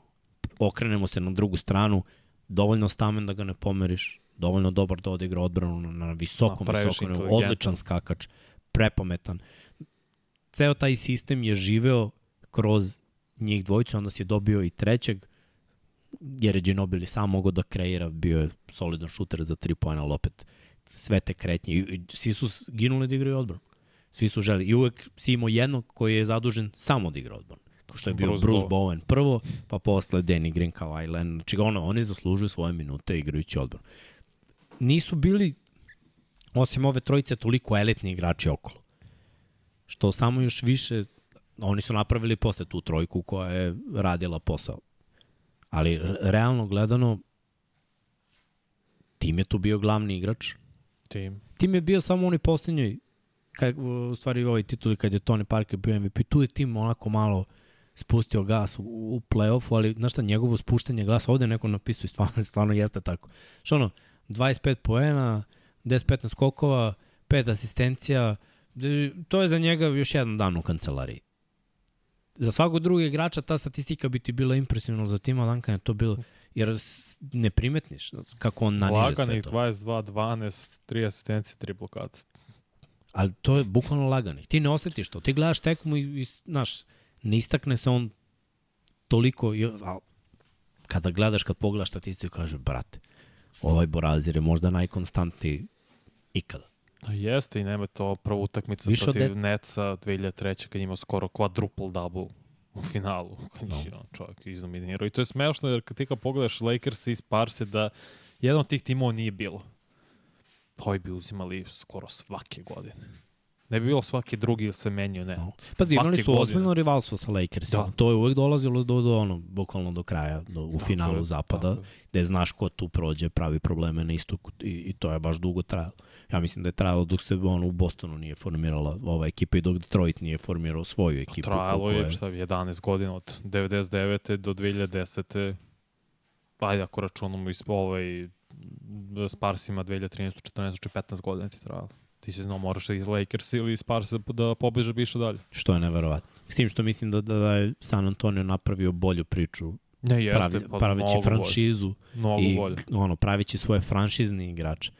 Jer, pazi, i Duncan je bio malo nadmen u početku, gledao sam ono, u kom je bio fazon i on je pričao kako je posmatrao na taj, to dovođenje Evropljana i Tonija Parkera, Boris Dijao je bio takođe Evropljanin, Kasnije, da. ovamo Argentinac Manu i, znaš, iako ni on je Amerikanac, nego on je ono najveća Sa zvezda i gleda da, da li oni imaju tu radnu etiku, da li oni imaju tu želju.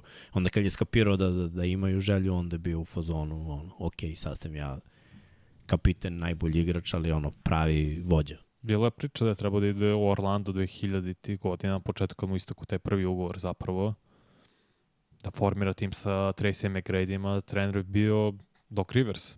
Nije se desilo. Ko zna šta je bilo, se desilo, vratno mi je Orlando dominirao narednih 6-7 godina istokom, ali nije se desilo, ostao San Antonio super za njega jer je stvarno napravio dinastiju i dosta ljudi pa, koje prati NFL i NBA tu dinastiju porede sa dinastijom Patriota. Jer je vrlo sličan sistem bio. Imaš jednog trenera, jednog vrhunskog igrača i oko njega se grade. San Antonio je malo drugačiji, NBA ipak totalno drugačiji sport, ali svakako je vrlo slični sistemi. I Duncan je zasluženo jedno top 7, top 8 igrač ikada. Sigurno. Pa mora da bude. Mislim, gledaj, kad si broj jedan na jednoj poziciji, moraš da budeš u samom vrhu gledano za sve pozicije. Sad ovde malo vuku neka poređenja sa Lebronom, koja je konstantni i sve to. Mislim, Lebron je Pa Lebron je konstantni ljudi, Lebron je mnogo Jeste veći konstantni, atleta. da, ali gledam maksimalni učinak. Znaš, Le Lebron je institucija koliko puta je bio u finalu, to to, tri ekipe. To su stvari koje, ono, ali opet sa svim tim uspesima, individualnom statistikom i sve, uh, manje je osvojio. Četiri. Ovo je osvojio 5 od 6. Od Lebrona je izgubio jednu. Znači, ne možeš, znaš, imaš ere po- poređenja, ok, timovi su, da.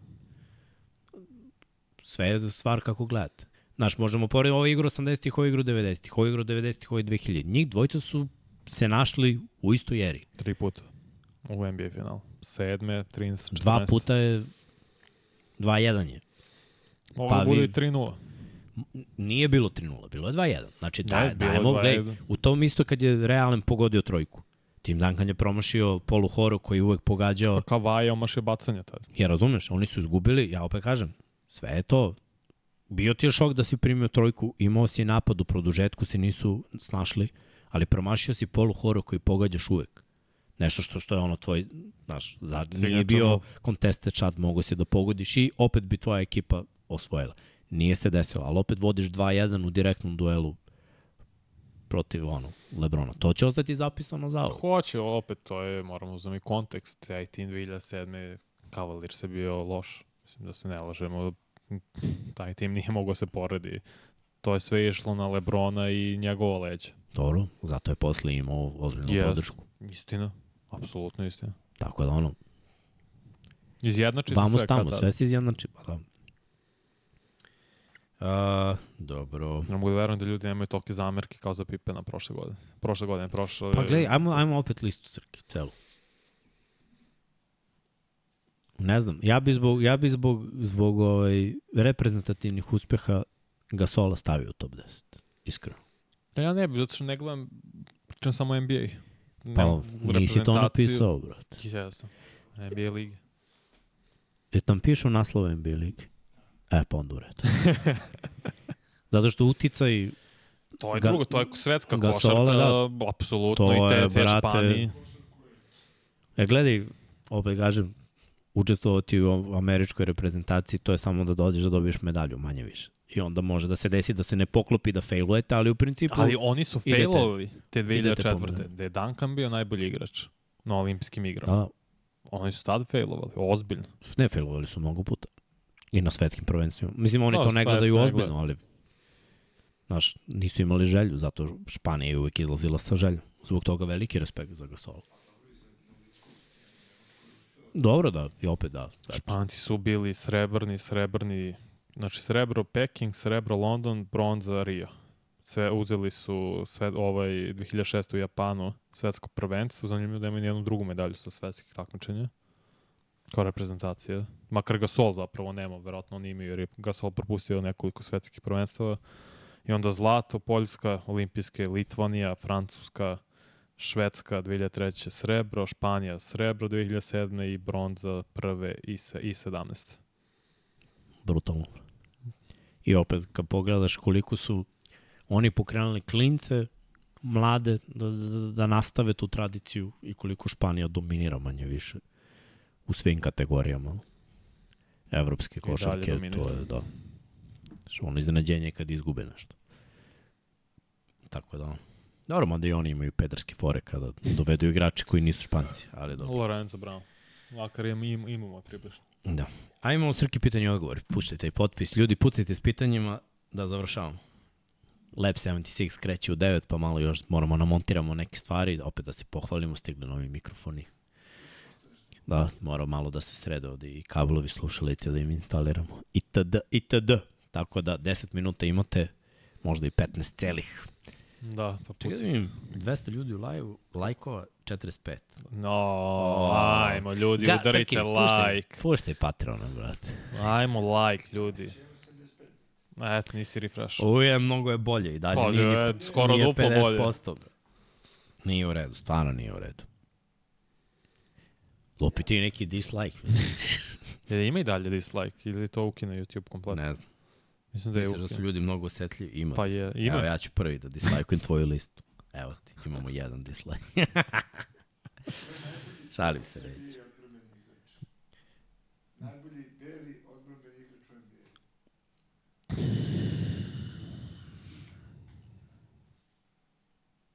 Kevin McHale može se uzme u razmatranje.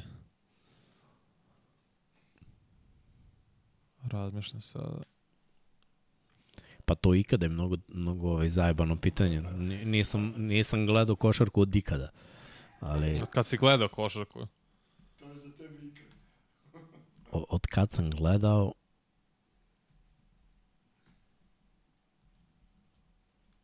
Hmm.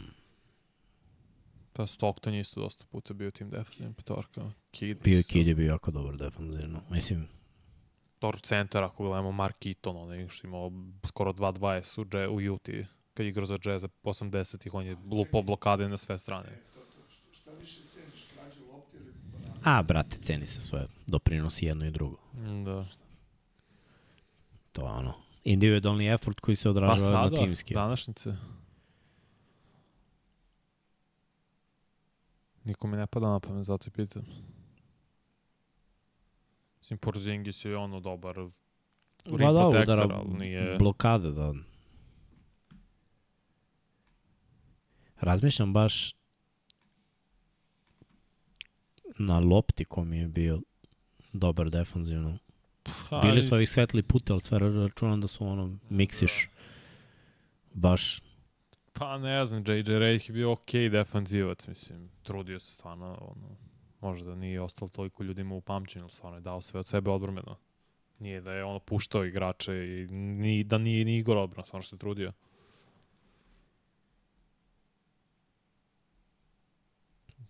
A, vidi, vidi ima ima pitanje, kaže John Stockton je tu možda najbolji.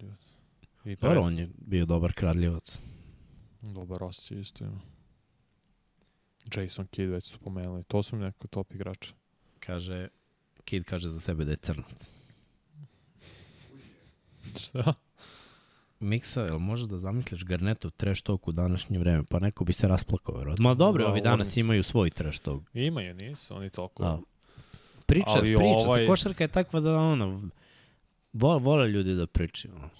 Neki dobiju pesnaju, ali u principu vole Pa da pričaju. Garnet bi, po, na šta bi Garnet? Da je bio bubble u onoj eri, Garnet i oni Celtics i Da, Lakersi bubble- bi urnisali ljude. Bubble je baš anomalija. Da imaš tu vrstu pa rednosti ako si taj tip kao Garnet. Pa šta je naš čovjek je, koja je ona priča koliko je strastven, nešto je su gledali kod kuće na TV-u i on je od tolike želje i radosti glavom razbio zid. To je neka takva priča sada ne bude da je izmišljena ili da nisam nešto pogrešao, ali taj fazon. Luo čovjek, garant. Ali obožavam Garneta. Koji je po vama najmanje popularan vrhunski košarkaš? Duncan. Ako pričamo ikada, mislim da Duncana često... Pa pazi, Pipin je imao svoju patiku, si nosio patiku tima Dankana. ja znaš koji je brand je bio Tim Duncan? Koji brand je bio Tim Duncan? Da, Da, i imao koja svoju marka? patiku. Ja znam. Zašto je Zato što... nebitan brate, bio. Da. Zato što je tržište tako i pazi, njima je to Ne, njima je Bio je to Adidas. njima je to odgovaralo u San Antoniju zato što je ono realno malo mesto, nema fudbal, nema bejsbol, ima košarka, svi vole košarku, dolaze da gledaju košarku, ono nemaš neka dešavanja, što Da. kaže Charles Barkley, samo debele žene koje jedu hamburgere kako je lik loda. Kažeš kako je je krene lud, priča je San. Antonio, on mora da, da plasira tu priču. Mnogo je. Ali Duncan stvarno jeste jedan od baš pocenjih igrača. Pa, pazi, oni su generalno kao jedna toliko uspešna franšiza i pazi, snimali su reklame i bilo je svega, samo One su reklame baš... kasnije, kad je bio i Kavaj, su odlične. Ne mogu setiti za koga Bilo su je to pre radili. Kavaj, ali da, bi- bilo je reklama, ali kad pogledaš koliko kod drugih uspeš, uspešnih franšiza se snima i kolika je ona medijska pompa i sve ovamo, brate, ništa. Tako da su baš bili ispod radara. Možda im je to pomoglo. Znaš, mo, možda je to i, i us, ih i dovelo do toga da, da budu toliko uspešni, ali od vrhunskih igrača koji ono, Mhm. znaš, koliko ljudi bilo u fazonu želim da budem kao Tim Duncan, a trebao bi da, da želiš da. Da. da, budeš kao Tim Duncan, mislim, da budeš elitni igrač i ovamo i znači ono. najbolji što se tiče same tehnike i veštine na niskom postu nije bilo bolje od Duncana. To je sve savršeno. Sve u, od tablu, lepo, mekano. Ne žali se ni na koga. Igra skoro uvek.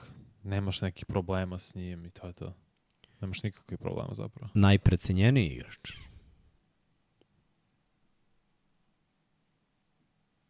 Pa, rekao bih Wilt, iskreno.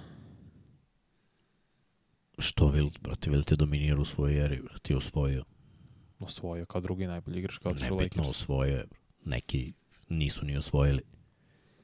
Ta bi meni je A Wilt. bili su ono kao, mislim, i neki su i dalje ono kao, uš, uš, a neću osvojiti nikad.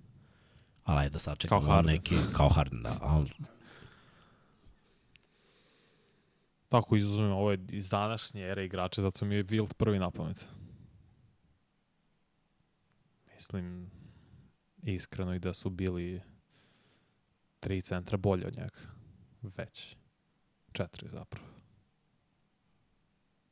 Ali se veliča Wilt zašto je postigao sa neki su Pa dobro, ne, kad je ušao u ligu, mislim, gledao sam dokumentarac Bila Rasela stvarno, kad Bill Russell kaže da je on u ono vreme bio, On je, on je, bio je. Hall of Fame igrač u dva različite sporta, o čemu mi pričamo. a bre, lik je preskakao, On je u odbojci skoku vis je preskakao kao preponu, mislim, o čemu pričamo. Ne tehnikom da, glava i leđa pa da se izviješ, nego kao preponu, bre. Vidio sam i neki Afrikanci da to rade, stvarno nerealno, brate, da, da skočiš Pa, toliko. Uh, idemo dalje, idemo dalje. Znači, da li verujete sve što se priča o Wiltu? Šta da je bio sa 30.000 žena, verujemo. Brate, Apsolutno. u ono vreme hipici su vladali. ja kaže Hartman. Hartman. Mrzi hipike. Što? Tad je bila sloboda. Uverujem da to sve što se priča i ono kaže da si ti Hall of Famer u dva različita Pa neki će i sporta. danas doći do, do tih ovaj, Hm, brojki. Pa da. Jer se nekako vratilo to. Dobro, sad i društvene mreže mnogo lakše to čine. To je pitanje da li je lakše. To je lakše za sve, Ali vidimo zajedno kakve probleme ima sad zbog toga. Pa da. Da vidimo dalje, da vidimo dalje. Da li je Vanja Jokić u listi top 10 centara? Jest. Najbolji, najbolji dunker ikada, Vince Carter. Vince Carter. Mm, mm, mm, mm. Kad je zakucao na olimpijskim igrama, ja mislim, 2000 preko ovog Francuza. Vi sam sina od Jasona Richardsona, kako mali kuca. Ima 15 godina. Nije im od kog da nasledi. Znaš šta je uradio je uh, 360 vetrenjaču sa jednom rukom preko nekog lika. ne može da Pogledaj, ne znam da li bio tri, vetrenjač, ali bio 360 s jednom rukom preko lika, znači neverovatno. Znaš o čemu sam razmišljao, brate? Nije, uh, znam na što misliš, Cradle. Koliko njima znači, brate, što u mlađim kategorijama spuste obruč. Spuste im kožu. Ti, na primjer, kod nas, Nema toga. Nemaš prvi put ćeš zakucati kao kadet, verovatno. Dobro, spusti im dovoljno da nauče da kontrolišu Da. svoje telo i da kuci. Ne znam tačno, ali Dobro, sigurno ne, ide na Kod nas nemaš ni ono kao mali 8 fita, pa 9, jer njima koš na 9, 10 fita, to je 3.05. Da, kažeš, ne, ovde nemaš ni uslove da svi spuštaju obruč. To je čitavu konstituciju zapravo. Ovo, brate, nemaš uslovni da se okišaš kad zakucaš, brate. Da, da ti cela ta konstrukcija koja, je- Konstrukcija. koja visi od četiri šrafa u nekoj sali ne padne na glavu i, i da tu tepa. Kažu koliko fali do 32.000 sabova? Pa, subscribeujte 300. se, pa ćete vidjeti. Jel da? Ili da? Ne znam, srđane vidi, ti si na digitalu. Srđan vidi. Uđi tamo u analitiku pa reci. Najbolja NBA sezona ikad. E, to je jako teško To je reći. baš diskutabilno. Ne može lepo se Ima dobrih sezona. Ima brutalnih i ne može, stvarno. Ne znam, uvijek gleda i ono, kad je iste godine Jordan bio MVP, defanzivni igrač, All NBA prvi tim, All NBA... Ali konkurencija je važna isto za to. A jeste, zato ti kažem, ali opet... Na primjer, sad je bez veze gledaš tako jer manje više iz Bleje pola regular. Neka su se Znam, malo, nekad malo se- više kidali. Da, da. 2003. trka za MVP nagradu je bila brutalna. Da na kraju Duncan bio, ali bilo je nekoliko igrača kao i Tracy i Kobe koji su bili ono, rame uz rame. Jason Kidd isto. Srki, nađe li ga, brate? Nemoj klik. Ma samo otvori YouTube i ide na studiju analitiku. Neću, klikćem. Neću kliknuti. Neću klikćem. Najjači Srki. Top 3 najvrednija NBA prstena ikada. Dirko je broj 1. Op, istina. Eto, neozbiljno, neozbiljno. Ja sam. Kao moram da uđem ovako da vidim. Pa, Pa, dobro, znaš šta, ja bi metnuo i ovaj Jokić. manje od 100. I Janis.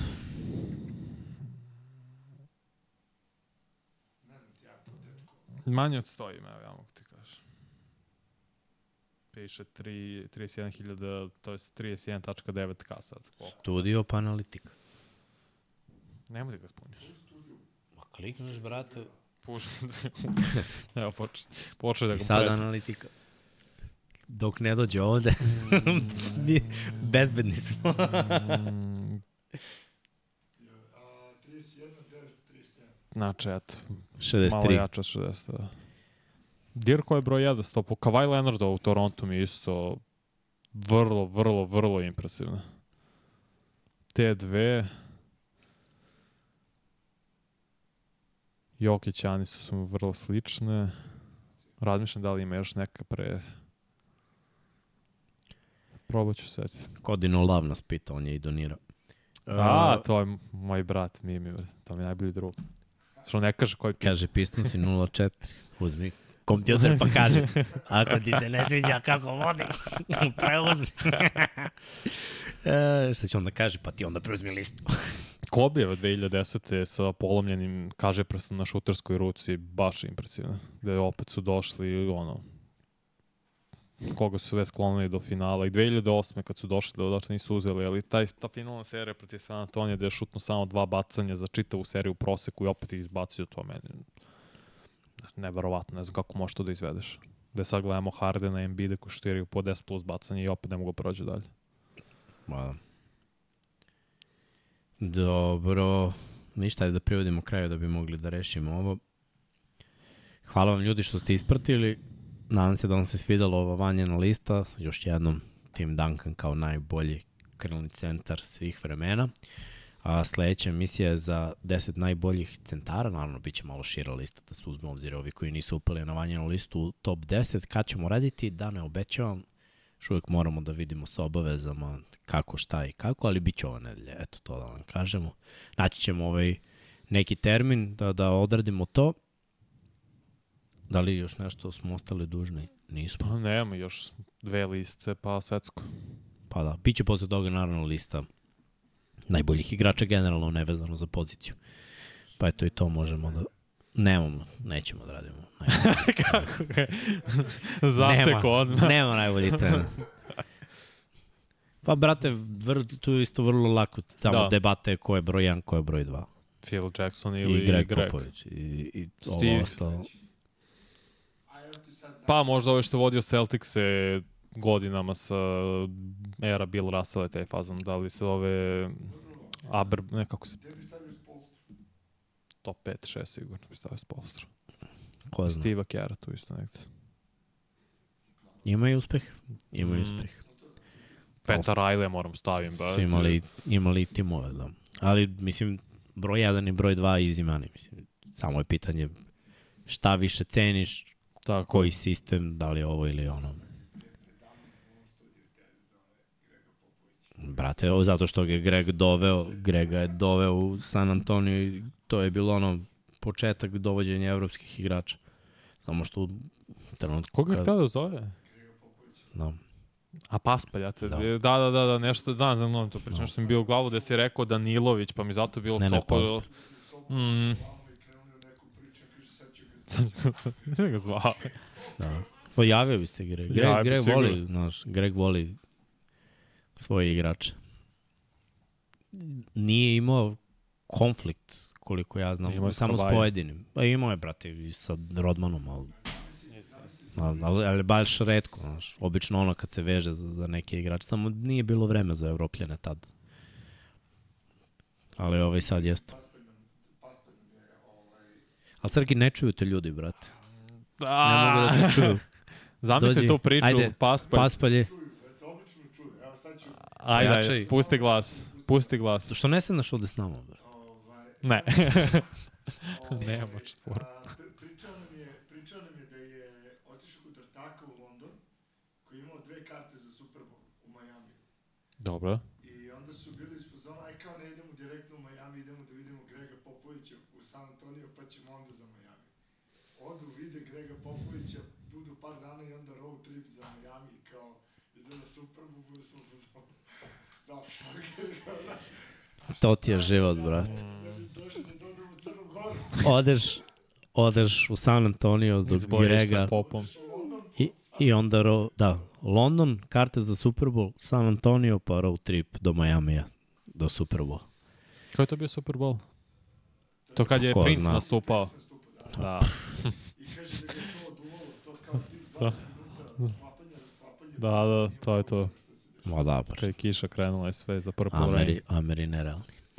A, ništa ljudi, hvala vam što ste bili u velikom broju. Pišite komentare, sve što mislite, da li neko treba, da li neko ne treba da bude na listi, da li ste u fazonu da imate neko ime koje uopšte nije na listi pa da pričamo o njemu, sve što vam se sviđa, ne sviđa predloge za, za naredne podcaste itd. Šta mislite ko će da bude od centara, ali to nećemo da otkrivamo do sledeće epizode. Ali eto, možete da, da utičete možda malo da, Ne na da vanju, a? utičeš, Ne možeš. Ne. Ne. Ne, pokolebljiv si. Ne mogu, ne mogu. Ne da se, ne da se pokolebati. Samo kada ćete A- budete sponzori, pa onda... Da. Šalim se, ali ne, ne može, ne može. Kaže, najveće iznenađenje što nema Marija na listi. Da. Kamare je imao od dve, tri godine i to je to, četiri, da kažemo, i ne može da bude na listi. Nikad ništa nije osvojio, nikad nije bio najbolji igrač na svom, u svom timu, to je bio Steve Nash. On je Steve Nash od njega napravio vrhunskog igrača. Posle u Knicks ima problemi sa zdravljem, pre svega nikako da bude onaj igrač što je bio u Phoenixu i oni Carmelo zapravo da predvode Knicks do nečeg ozbiljnijeg. Nije se desilo. True that. Ništa, žao mi, nema Amarija. Ali vidjet ćemo. Top 10 centara ima Jokić ovom vam najavim, tako da, Da, je vidjet ćemo samo gde ga je stavio i da, da li je bilo dobro. Hvala vam što ste još jednom ispratili, čekirajte shop, ove majice koje nosimo manje ja, 99 yardi, ali bit će uskoro jedan na jedan, spremamo neku saradnju sa nekim poznatim, Collab. sa nekim poznatim brendom, ali čuno da vam kažem, još uvek ništa. Nemamo. Ka, ka, ka. Srki pusti. Patreon i da završimo. Veliki pozdrav iz Infinity Lighthouse studija, ljudi, budite mi dobri. Ćao!